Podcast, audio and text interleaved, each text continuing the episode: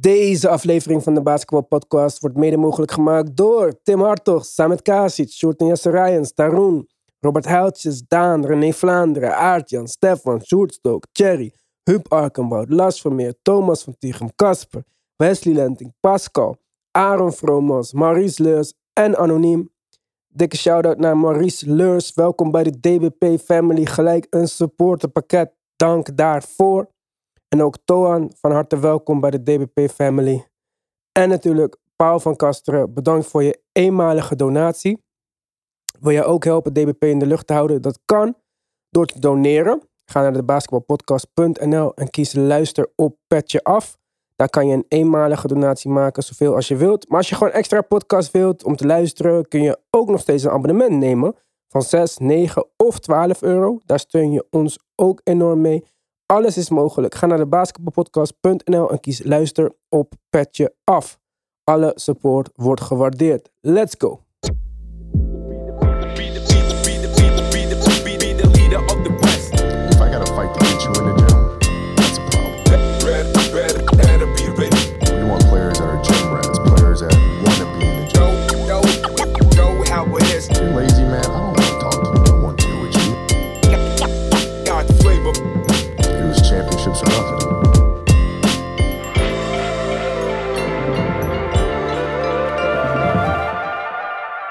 Basketbal is begonnen. En na één wedstrijd zou je de regular season zowat alweer vergeten. Wat een verschil. Hoe leuk het einde van het regular season ook was, vergeleken met andere jaren, de playoffs is toch wel echt next level qua intensiteit. Nu worden de mannen van de jongetjes gescheiden. Want ja, wie staat er als het echt telt? Game time. Het begon allemaal met de Pelicans die de Clippers naar huis stuurden en de Hawks die een einde maakten aan het Cavs-seizoen. Zonder play-in toernooi waren zowel de Clippers als de Cavaliers in de playoffs beland. Maar of dat nou zo heel veel had uitgemaakt, weet ik ook niet. De Heat wonnen namelijk met Bam terug in de line-up gemakkelijk van de Hawks, waar Capella nog steeds oud is en waar Ice ijskoud was. Hij had 8 punten en schoot 1 uit 12. De Suns handelden hun business en versloegen de Pelicans, die nog wel bijna een comeback maakten eind derde kwart. En in elke serie is de eerste wedstrijd nu gespeeld. Bij Dallas was Luca afwezig, maar toch waren de Mavs verrassend goed tegen de Jazz. Utah was uiteindelijk wel te sterk en ook al mocht Gobert precies niks doen aanvallend, verdedigend deed hij zijn ding. Mavs-spelers schoten 4 uit 19 op schoten contested door Gobert. Minnesota won verrassend van Memphis, die eigenlijk een stuk voorspelbaarder zijn met Ja Morant in de line-up. En nu zeg ik niet dat ze beter zijn zonder Ja, maar deze wedstrijd was niet bepaald close. En dan hadden de Grizz de scheidsrechters ook nog eens aan hun kant. Bij de Timberwolves zette Anthony Edwards zijn goede prestaties uit de play-ins voor. Met 36 punten was hij topscorer in de wedstrijd. En Towns had ook zijn momenten hier en daar. Maar als team hadden ze meer dan 30 assists. En coach Vince was echt on top of zijn X's en O's game. Dus het lijkt erop dat Minnesota klaar is voor dit podium. En naast Edwards waren er meer jonge guards die zichzelf op de kaart hebben gezet. Tyrese Maxey liet zien dat de Sixers een number 2 player misschien wel gewoon in huis hadden al. Hij scoorde 38 punten in een wedstrijd waar Harden en Embiid niet op hun best waren. En mede door hem versloegen de Sixers de Raptors met 20 punten. Dat voorspelt niet veel goeds voor mijn weddenschap met Victor, helemaal nu Scotty Barnes en Gary Trent door blessures misschien niet eens gaan spelen in de tweede wedstrijd. Ik zei het al, genoeg jonge guards die klaar zijn voor de schijnwerpers. Jordan Poole startte bij de Warriors en die kans greep hij met beide handen aan. Hij had 30 punten en was 70% van de field. De Nuggets leken kansloos en ja, Jokic leek uitgeput. Hij moest zoveel bewegen op defense door de balmovement van de Warriors, waardoor hij een van zijn slechtste wedstrijden van het seizoen beleefde. Jokic is samen met Giannis en Embiid finalist voor de MVP Award en Giannis liet ook weer MVP-waardige dingen zien. Hij gooide een alley-oop naar zichzelf af de backboard, alsof hij in een All-Star Game speelde. Milwaukee won met gemak van Chicago, waar de drie sterren Vooch, DeRozan en Levine samen 21 uit 71 waren. Dat moet echt beter als ze niet met 4-0 naar huis willen. En dan misschien de wedstrijd waar de meeste mensen naar uitkeken, die eigenlijk natuurlijk geen eerste ronde matchup moest zijn.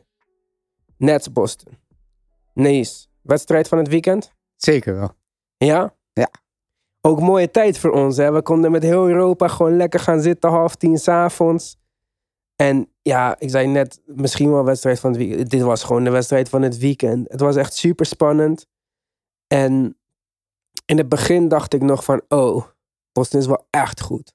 Niet dat ik nu denk dat ze niet goed zijn, want ze winnen die wedstrijd uiteindelijk. Maar in het begin dacht ik, ze zijn echt goed. En Katie bleef maar vragen om die pick and roll Drummond. Wat helemaal niet werkte, want ze negeerden Drummond gewoon volledig. Maar daarom denk ik denk ook, denk jij dat wij Drummond nog heel veel minuten zien maken in deze serie? Nou, als hij steeds in foul trouble komt, zeker niet.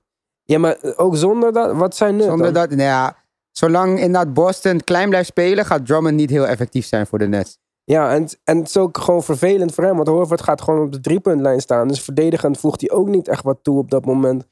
Ja, ik vond het wel apart om te zien dat ze zo snel al dan één speler hadden uitgeschakeld. En ik sprak ook Francisco daarna. En hij zei van ja, ik, zei van, ik vroeg aan hem eigenlijk van, zou het helpen dan als we gaan screenen met kleine spelers of zo? Hij zegt, maakt niks uit. Iedereen switcht op iedereen. Het is gewoon, het maakt niks uit. Dus ja, dan denk ik, nou ja, fuck Drummond maar. Ja, misschien denkt Nash dat ook al bij game 2. Gaan zien of hij start. Ja, maar dan brachten ze Claxton in. En die was dan weer 1 op 5 van de vrije worplijn. Ja, kan je wel al goed Ben Simmons inplannen voor later. Maar eh, ja, dat was, had ook niet veel nut. Nee, en ik denk, als Claxton speelt, hij had een paar goede rebounds wel. Ja, dat is Dat het. is iets waar hij Ja, inderdaad... eh, maar dat doet Drummond ook in dat principe. kan Drummond ook. Claxton had iets betere defensive possessions, vond ik wel. Hij had een paar mooie blocks, hij had een paar goede zeg maar, stops, dat hij zijn handen gewoon verticaal had en Ja. niet gekald werd voor een foul, wat Drummond natuurlijk wel steeds werd. Ja. Alleen wat je zegt, als, hij, als ze zien dat hij zo slecht schiet van de free throw line, gaan ze hem elke keer hacken als hij ook maar iets doet met de bal. Ja. En dat gaat dan effectief zijn voor Boston als hij maar 1 op 5 blijft schieten. ja, volgens mij, want Jeff Van Gundy was volgens mij de commentator. Die zei ook volgens mij van, I would do a take foul nou. Waarom niet? Hij gaat ze toch missen. Hij was 1 op 5. En op een gegeven moment was in het derde kwart, volgens mij vierde kwart, toen speelde Durant center eigenlijk. Eh, zonder Claxton of Drummond on the floor. En Durant is gewoon in principe een prima rim defender. Maar ja, geen rebounder echt. Dus dan missen ze echt die rebounding. Maar ja, ze moeten voor mij een lijn opzoeken die dat wel een beetje heeft. Daarom dacht ik gisteren van, waarom heb je James Johnson laten gaan? Ik had nu liever James Johnson met KD on the floor gezien dan dat je Claxton er weer inbrengt. James Johnson kon de bal handelen, kon rebounden, kon een beetje verdedigen. En je hebt hem laten gaan omdat je die jonge guy op een vast contract wou tekenen. En denk ja, ik weet niet of dat nu voor de playoffs echt zo nodig was. Nee, ik vind dat ook een beetje een merkwaardige move. En ik had het er ook met iemand over toen ik de Denver game keek. Jeff Green hadden ze vorig jaar ook. Hebben ze ook laten gaan. Ja, Hadden ze ook wel kunnen gebruiken met Ja. zijn lengte, zijn balhandeling. Inderdaad, als je een van dat soort spelers kon spelen in plaats van Claxton of Drummond met hun beperkingen, dan nou ja, had het toch ietsje anders uitgezien. En ik dacht, ik zei dat ook, dat zei ik nog tegen Francisco, van waarom laat ze niet gewoon KD staan? Hij zei, ja, maar dan moeten ze echt gaan gang rebounden. En dat doen ze ook niet. En dat kan ook niet met Dragic en Seth Curry. En dus het is wel, ehm, ja, ik zie nu al in deze serie de limitaties van hun rooster, zeg maar. Ja, mee eens. En ze, je kunnen, we kunnen wel zeggen, voor al die faults die ze hadden, waren ze wel in de wedstrijd tot en met de laatste secondes. Maar, Eh, letterlijk tot en ja, met de laatste... maar de vraag is inderdaad, als wij deze problemen al zien in game one, ja, dan ziet Boston ze ook waarschijnlijk. En die gaat daar volop maximaliseren. En dan wordt de vraag, worden de andere wedstrijden wel zo spannend? Maar aan de andere kant, kijk, Kyrie was uitzonderlijk gisteravond. Er was gewoon een moment in de tweede helft, dus in derde kwart, vierde kwart, dat ik echt dacht van ja, op dit moment, gewoon, dan praat ik echt over dat moment, dat, dat uur, was Kyrie gewoon de beste basketballer op planeet aarde, zeg maar. Er was, alles ging gewoon. Drie punters, drive, dribbel. Maar KD was de hele wedstrijd slecht. Dus als KD gewoon 32 punten scoort en Irving scoort 32 punten, dan waren ze er ook geweest. Hè? Had zelfs Kyrie niet zo'n prestatie hoeven leveren. Het was dat KD heeft ook, ik zal even opzoeken hoeveel turnovers die had. Maar eh, het leek wel op een gegeven moment alsof elke aan- aanval eindigde in een turnover van Durant.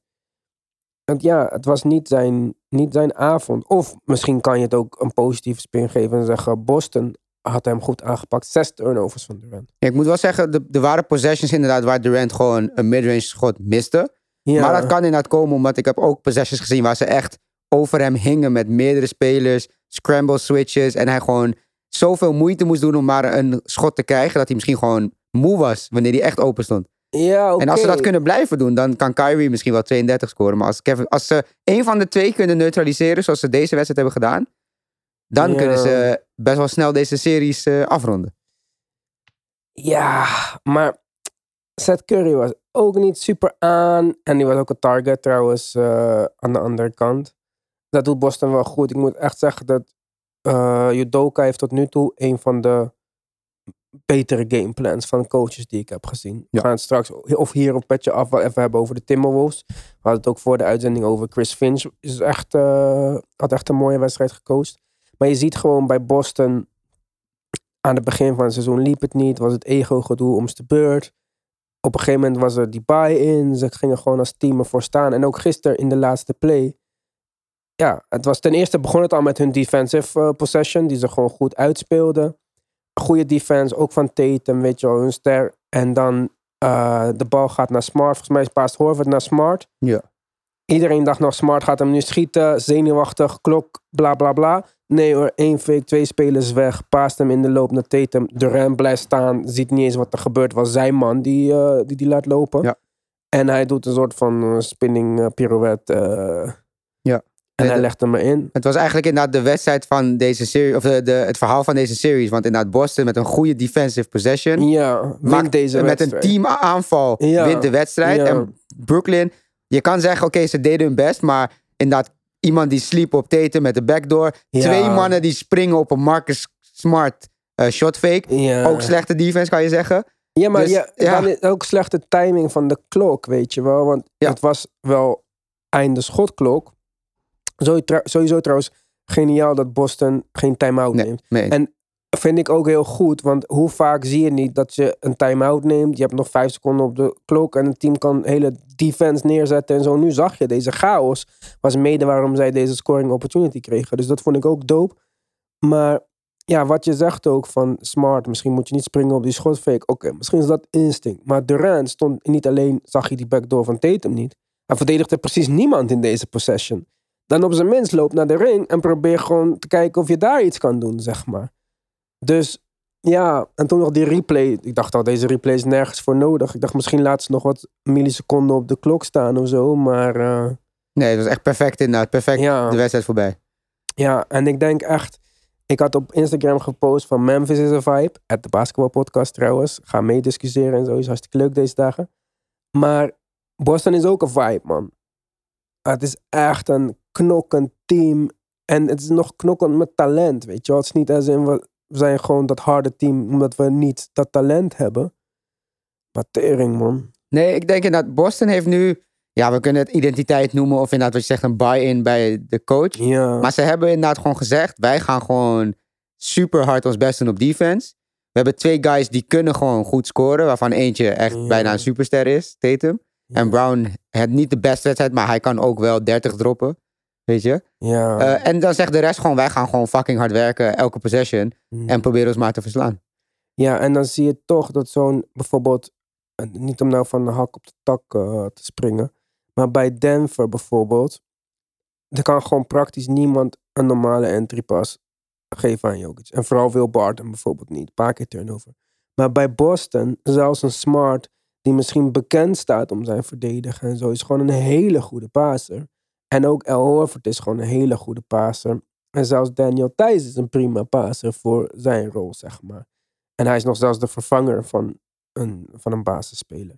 Iedereen die daar is, het is gewoon wel een team wat kan werken, zeg maar. Ja, het is, het is, er is denk ik vooral goed nagedacht over hoe kunnen deze spelers als team inderdaad functioneren. Ja. Waarbij Thijs en Horford een beetje de floor kunnen spacen op offense. Maar ook kunnen passen inderdaad. Het is niet als, dat je de bal naar hun past dat het dan stil ligt. Ja. Smart is nu een beetje een soort de de facto point guard. Wat Ja. werkt. Ja. En hij Maar hoeft iedereen niet, is hij een hoeft beetje niet, de ja, point guard, Maar hij hoeft niet ook veel te scoren. Hij hoeft niet veel te schieten. Hij snapt dat nu ook meer, denk ik, Smart. Ja. Hij hoeft niet tien drietjes in een game. Het is niet dat hij dat deed, maar weet je, hij hoeft niet veel drietjes te gaan schieten of zo. Want daar heeft hij zijn spelers nu voor. Ja. Hij kan gewoon volgaan op defense. En een beetje de bal rondpassen. Af en toe een drive nemen. Moet ik wel zeggen, wat me wel opviel van Boston. Was dat ze wel een paar keer echt een goede defensive stop hadden. Met een steal of een, een defensive rebound. En dan waren ze heel sloppy in de fast break. Misschien wilden ze gewoon te graag in die game one. Maar ze hebben echt heel veel Mm. empty fast breaks gehad. Snap je wat ik bedoel? Ja, maar ze hebben ook niet echt fastbreak spelers. Als je kijkt naar echt traditionele fastbreak spelers. Kijk, ik zei net, Smart is een hele goede paser. Inderdaad. Maar Smart is geen Lonzo of Lamello of Steven Nash of zo, zeg maar. Of er geen eens een Ben Simmons, zeg maar, die de bal zelf kan. eh. en dan ook de finishers fastbreak. Ja, Jalen Brown kan dunken, helemaal als het open was. Wat gisteravond ook een keer gebeurde, waarvan ik echt dacht, kijk, dit kan gewoon never gebeuren. Maar ja, ja misschien missen ze dat nog. Een fastbreak ja of, of gewoon die steal maken, weet je wel. Eh, de fastbreak pushen, maar dan niet inderdaad proberen te scoren, maar hem gewoon naar buiten halen en je offense ja, opzetten. Want ik denk dus, want inderdaad, Brooklyn had kunnen winnen als KD 30 had gedropt. Maar als Boston van al die turnovers echt gebruik had gemaakt, hadden ze ook al 20 voor kunnen staan in het vierde kwart. Ja, maar dan denk ik ook weer dat al die turnovers niet gaan gebeuren in de tweede wedstrijd. Ik kan me niet voorstellen dat Durant deze serie 6 turnovers average. Nee, Durant niet, maar misschien wordt er dan een andere speler. Curry Weet ik of niet. Ik vond het- Drummond of Ja, ik, Claxton, ik vond je. gisteren echt Durant opvallend, zeg maar. Nee, mee ook gewoon vaak dat hij de bal soort van vroeg in de post, terwijl hij er helemaal niet goed voor stond. En dan dacht ik van ja, dan werd hij gewoon simpel gestript of zo, ja. Ja, Boston had echt een paar hele goede clean strips op. Zowel de, de dribbelaars als de shooters, weet je wel. Dat je dacht van, oké. Ja, en ik vond het wel interessant wat je net zei. Van dit team is echt goed gebouwd, zeg maar. Of gebouwd op een bepaalde manier. Maar ook wel interessant dat dan Brad Stevens, een oude headcoach, die nu de, ehm, ja, volgens mij is hij GM of team president, een van die twee. Ja. Maar in ieder geval, hij bepaalt wat er gebeurt. En dat hij ook gewoon beseft, zijn ego uit de situatie haalt van, ik heb niet meer het oor van deze spelers. Dus ik ga mijzelf uit die positie verwijderen. Maar ik zie wel welke positie er is. We halen een coach die goed is ook in defense. Die daar de nadruk op legt. En we bouwen die identiteit zo. En dat allemaal in één jaar, zeg maar. Ja, niet zo, niet zo slecht, toch? Nee, en inderdaad, wij hadden het er net ook even over. eh, voor de eh, uitzending. Maar een underrated trade in Derek White. Ja, Die ook echt heel veel heeft gebracht off the court voor hun. ja wat ik je zei voor de uitzending van... Ik zag hem gewoon in een filmpje gewoon. Na, na de wedstrijd stond hij in de gang. Iedereen high five te geven die voorbij liep. Alle spelers, inclusief alle assistentcoaches. Het is gewoon... Zulke mensen heb je nodig, zeg maar. Misschien miste dat ook bij de Celtics. Ja. Misschien is dat wat, iets wat Brad Stevens er niet in kon brengen. En waarom Judoka niet eerst ja, dat oor had van de kleedkamer. Maar met die Derek White connection nu, die de verbindenis maakt tussen de spelersgroep en de coachingstaff. Ja, denk ik echt dat ze in ieder geval voor deze playoffs met hun allemaal met hun neus dezelfde kant op staan. En eh, Ja. dat ze ervoor gaan. Nee, en nog een fun fact voordat we het over een ander team gaan hebben. Echt een random fact. Weet je wie de vrouw is van eh Judoka? Geen idee. is Nia Long. En zij was de vriendin van Will Smith in The Fresh Prince of Bel-Air. Dus ik snap dat dit niks met de playoffs te maken heeft. Maar ik wou gewoon eventjes dat iedereen thuis nu denkt... Oh shit. Dus dat. Volgende wedstrijd. Waar, wat is een team waar jij zegt van... Dit moeten we echt even bespreken. Ah, Laten we heel even dan de Hawks hier doen. Hawks Heat? Ja. Maar het is toch kansloos? Ja, maar je zei het al even inderdaad. Nou, Ice Tray was ice, IJskoud. ice koud. Ja. Eh, en komt dat dan door de defense of omdat hij guest is van de play-in?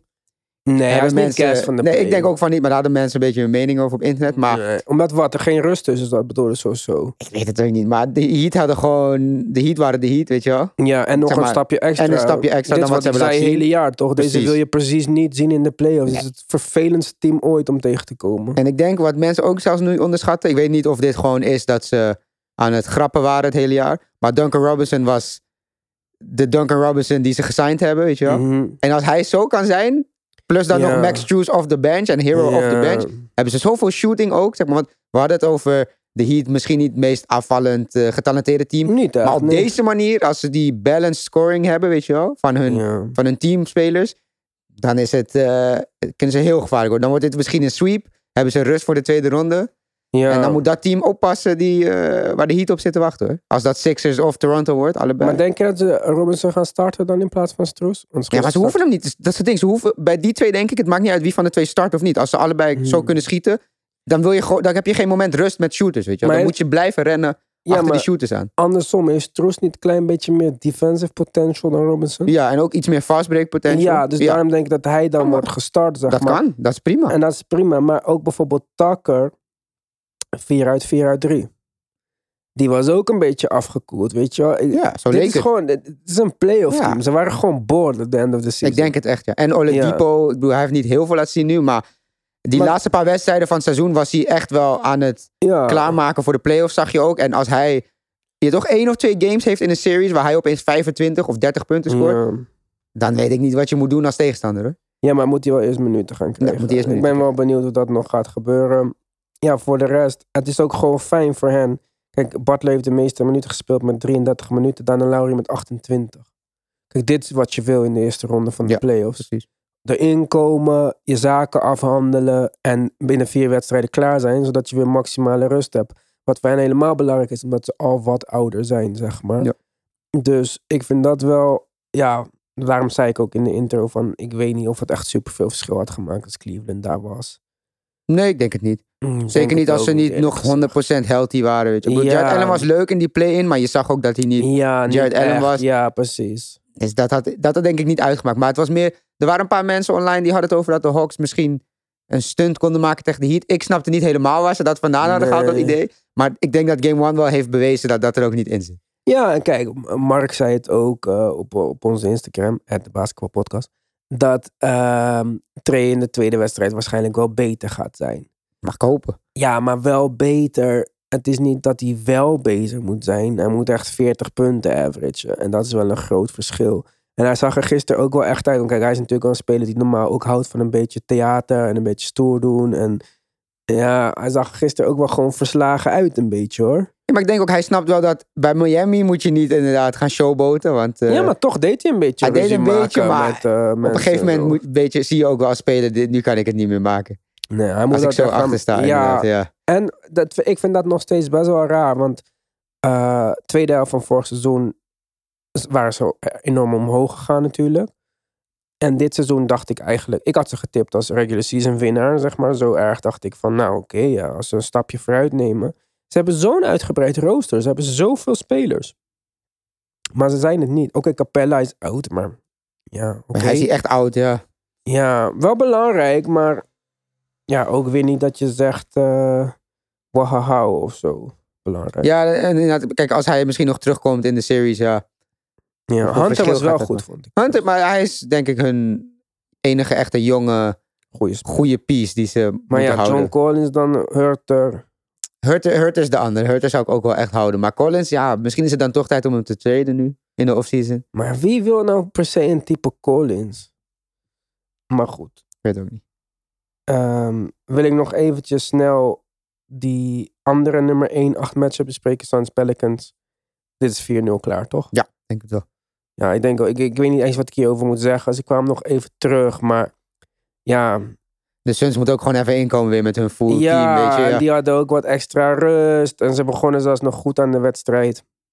En aan de hand daarvan hoorde ik een paar mensen vragen van hoe goed is Devin Booker, weet je wel? Is Devin Booker nu eigenlijk gewoon de beste shooting guard in de NBA? Ik vind dat eigenlijk niet eens een vraag. Ik denk dat dat echt duidelijk is. Ik, Ik denk, wel dat hij dat heeft bewezen dit seizoen. Ja. Nee, precies. Dat denk ik ook wel.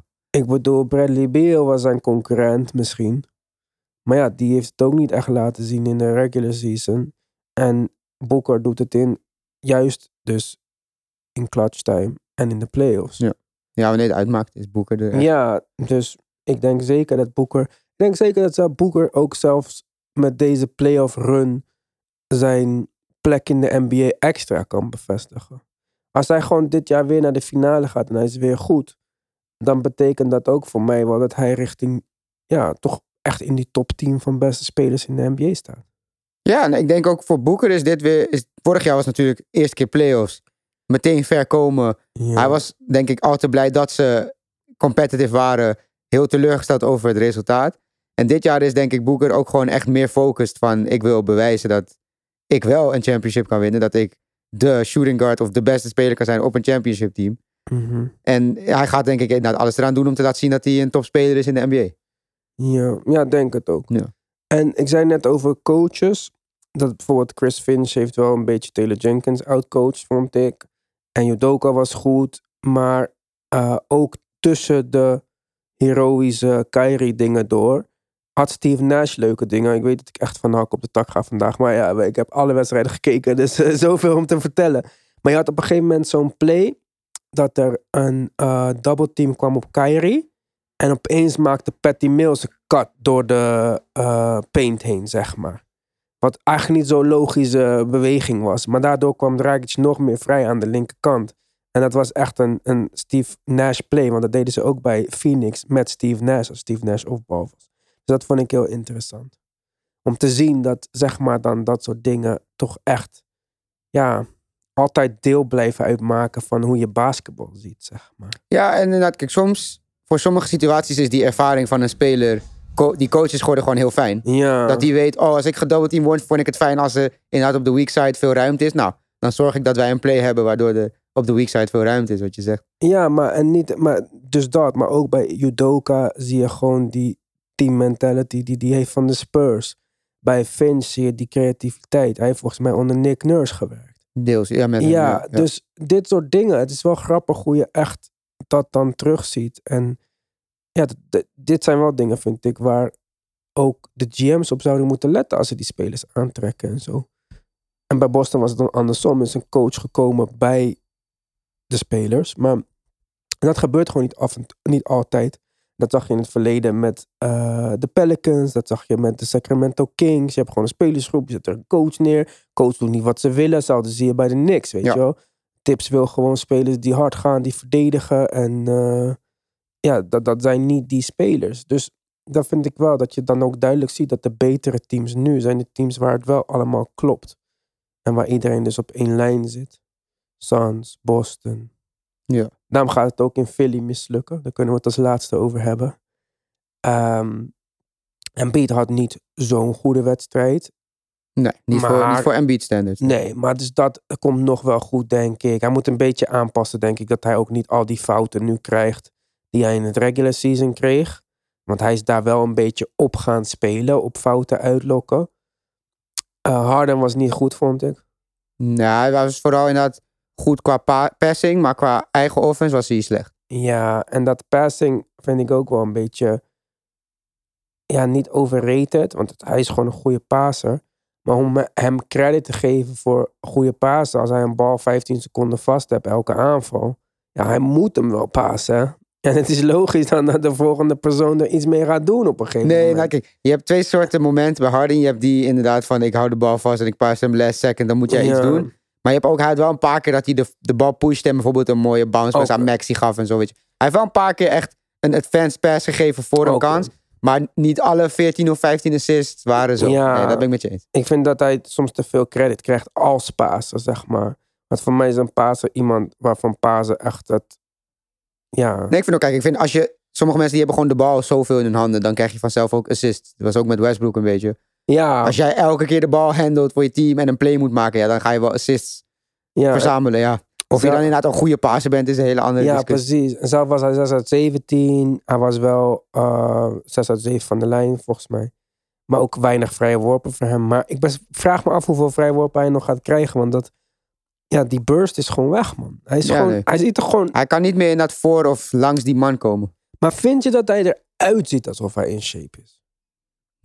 Niet in zijn shape, nee. Maar waarom Sowieso niet is hij in, dat niet in atletische shape, maar... Ja, maar ik snap niet hoe hij dat niet kan zijn. Ja, Als hij één week lang een uur per dag op de crosstrainer gaat staan, dan is hij toch een stuk slanker al, zeg maar.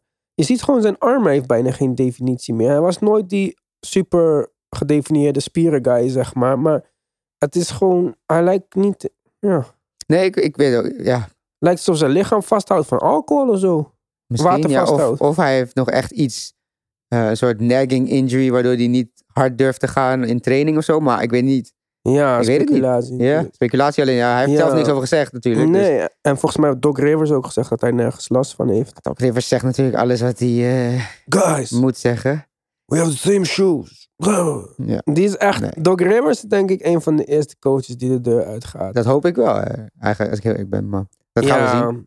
Ik weet niet, ik hoop dat ze Harden niet resignen. Anders zou ik echt... eh, Als, als Philly de finals niet haalt, zie ik geen reden om hem te resignen. Ja, maar ja, dan heb je dus alles opgegeven voor niets. Ja, maar als je hem resignt, dan zit je vast aan hem voor vier, vijf jaar. Ja, dat is, Ja. weet ik. Zijn, Dus wat heb je liever dan? Ja, Ja, ik weet, we hebben het in een andere podcast besproken. Zijn laatste contractjaar is dan als hij 37 is of zo. En dan verdient hij 54 miljoen. Ja, ik zou dat van mijn leven niet aandurven met hem. Maar tegelijkertijd, kijk, als je, daarom vind ik het gewoon zo jammer. En ik heb het al duizend keer gezegd. Maar als je kijkt, dus bijvoorbeeld hoe goed Maxi nu was. En dit was maar één wedstrijd. En dat snap ik ook wel. Maar Maxi heeft wel gewoon een stap genomen dit jaar weer. En trouwens, die stap zou Quickly ook kunnen nemen als Thibodeau hem een keertje de kans zou geven. Maar dat terzijde. Maar had je nou Ben Simmons getraind voor wat rolspelers, roleplayers? We hebben het al vaker gezegd. Maar die ene trade die je had kunnen maken, bijvoorbeeld met de Kings voor Barnes en Buddy Hield. Had je maar een Barnes, Buddy Hield en Maxi gehad om Embiid heen. Ik denk echt dat dit meer nodig was geweest dan, dan een andere superster. En ik denk dat Daryl Morey een beetje blind was op dit gebied. Hij was eh, veel te blind. Hij heeft ook veel te vroeg, denk ik, duidelijk gemaakt wat hij wilde. Ja, maar ik denk Iedereen wist niet- toen, oké, de- hij wil Harden. Nou, dan gaan we het je moeilijk maken om Harden te krijgen. Ja, weet je, ik bedoel... Ja, ik denk bijna dat de hele NBA ook dacht, weet je wat, Daryl Morey, fuck jou deze keer. Eh, Ja, je zoekt het maar uit. Ja, ja, ik weet het niet. Ik vond het wel jammer. Want toch als ik dan kijk, weet je, Embiid heeft gewoon de potentie om de komende twee, drie jaar gewoon zo te zijn. En dan is hij echt een van de meest dominante bigs. Misschien de dominantste big. Aanvallend gezien. Ja. En wie had goed had gewerkt hier was Seth Curry geweest. Seth Curry, Ja. dat bedoel ik. Maar je had gewoon Seth moeten niet op, op, hoeven opgeven. En dan had je dus Tyrese Maxey, Seth Curry, Buddy Hield, Harrison Barnes, Matisse. Ja, Je had gewoon meer opties gehad, zeg maar. Dit was veel meer wat nodig was geweest. Nu is het ook lastig. Ik vind die hele aanval van de Sixers eigenlijk lastig. Want wat moet James Harden nou doen? Moet hij James Harden zijn? Moet hij de point guard zijn? Moet hij... Wat is zijn rol nou precies? Want dit is niet... Ik denk niet dat we echt... Ik heb deze James Harden niet nodig als ik de Sixers ben. Ik heb James Harden, James Harden nodig. Ja, dat inderdaad. Of gewoon dus een andere speler. Die niet James Harden is. Ja, Ja, maar daarom, en dan snap ik denk ik van ja, dan heb je het al moeilijk gemaakt voor jezelf. Dit was op papier nooit de ideale fit. Net als Damian Lillard dat trouwens niet was geweest. Dat was ook niet Nee, eh, maar een goede ook niet. combo. Nee, dus ik, ik snap niet naar het type speler waar zij naar keken. Ja, ze wilden per se, denk ik, te graag een soort dat gevoel hebben van, oh, we hebben onze All-NBA-speler kunnen treden voor ook een All-NBA-speler. Maar dat Ja. werkt inderdaad vaak niet, want spelers zijn niet hetzelfde. En Ja. er is een reden dat je je ene speler wegdoet voor een andere. Precies. Maar ja, of je Ja. dan je gaten vult. Ik bedoel, Ben Simmons speelt betere defense dan Harden. Kan net zoveel assists halen, denk ik. Alleen Ja. minder goed schieten. Maar ja, als Ja, is Harden, heel veel minder goed ja, maar als Harden minder explosief is en ja, minder eh, percentage schiet, ja, dan heb, wat heb je erna aan? we moeten het zien hè, als Ben Simmons of Ben Simmons nog terugkomt. eh. Maar zelfs als hij dit jaar niet terugkomt en eh, ik vind dat Brooklyn met volgend Seth- jaar heel gevaarlijk is, dan heeft Bro. Brooklyn nog steeds de trade gewonnen. Niet alleen dat. Ik vind dat ze met Seth Curry en Drummond en twee first round picks de trade hebben gewonnen. En, niet, en dan zeggen- zeggen mensen, ja, maar niet voor Harden. Ja, wel op wat Harden dit jaar en afgelopen jaar was. Dus ja, ze hebben nog Goran Dragic voor gratis. Prima, goed. Maar ehm, deze aflevering zit er weer op, want we zijn al over onze half uur heen. We gaan verder praten gewoon een petje af. Dus join ons daar, www.debasketbalpodcast.nl. Dan luister op petje af. Deze playoffs zijn echt leuk. Ik vind het leuk dat jullie allemaal reageren, ook op Instagram. En eh, ik, zou het echt leuk vinden als we daar gewoon een beetje met z'n allen over gaan praten. Over basketbal, over de NBA. Niet iedereen heeft een buurman hier en daar waarmee je even kan zeggen van... hé, hey, wedstrijd nog gezien gisteravond. Dus dat is wat wij een beetje proberen te doen. Misschien dat er ook een soort van chatgroep aan gaat komen voor eh Petje Afleden. Ik weet of jullie dat leuk lijkt. Laat me dat ook maar even weten. Het kan natuurlijk via onze Instagram, de basketbalpodcast. Via Twitter, de basketbal. Of je kunt ons ook altijd e-mailen met ideeën naar info.debasketbalpodcast.nl Tot van de week. Ik denk donderdag. Ik hoop. Tot dan. Joe.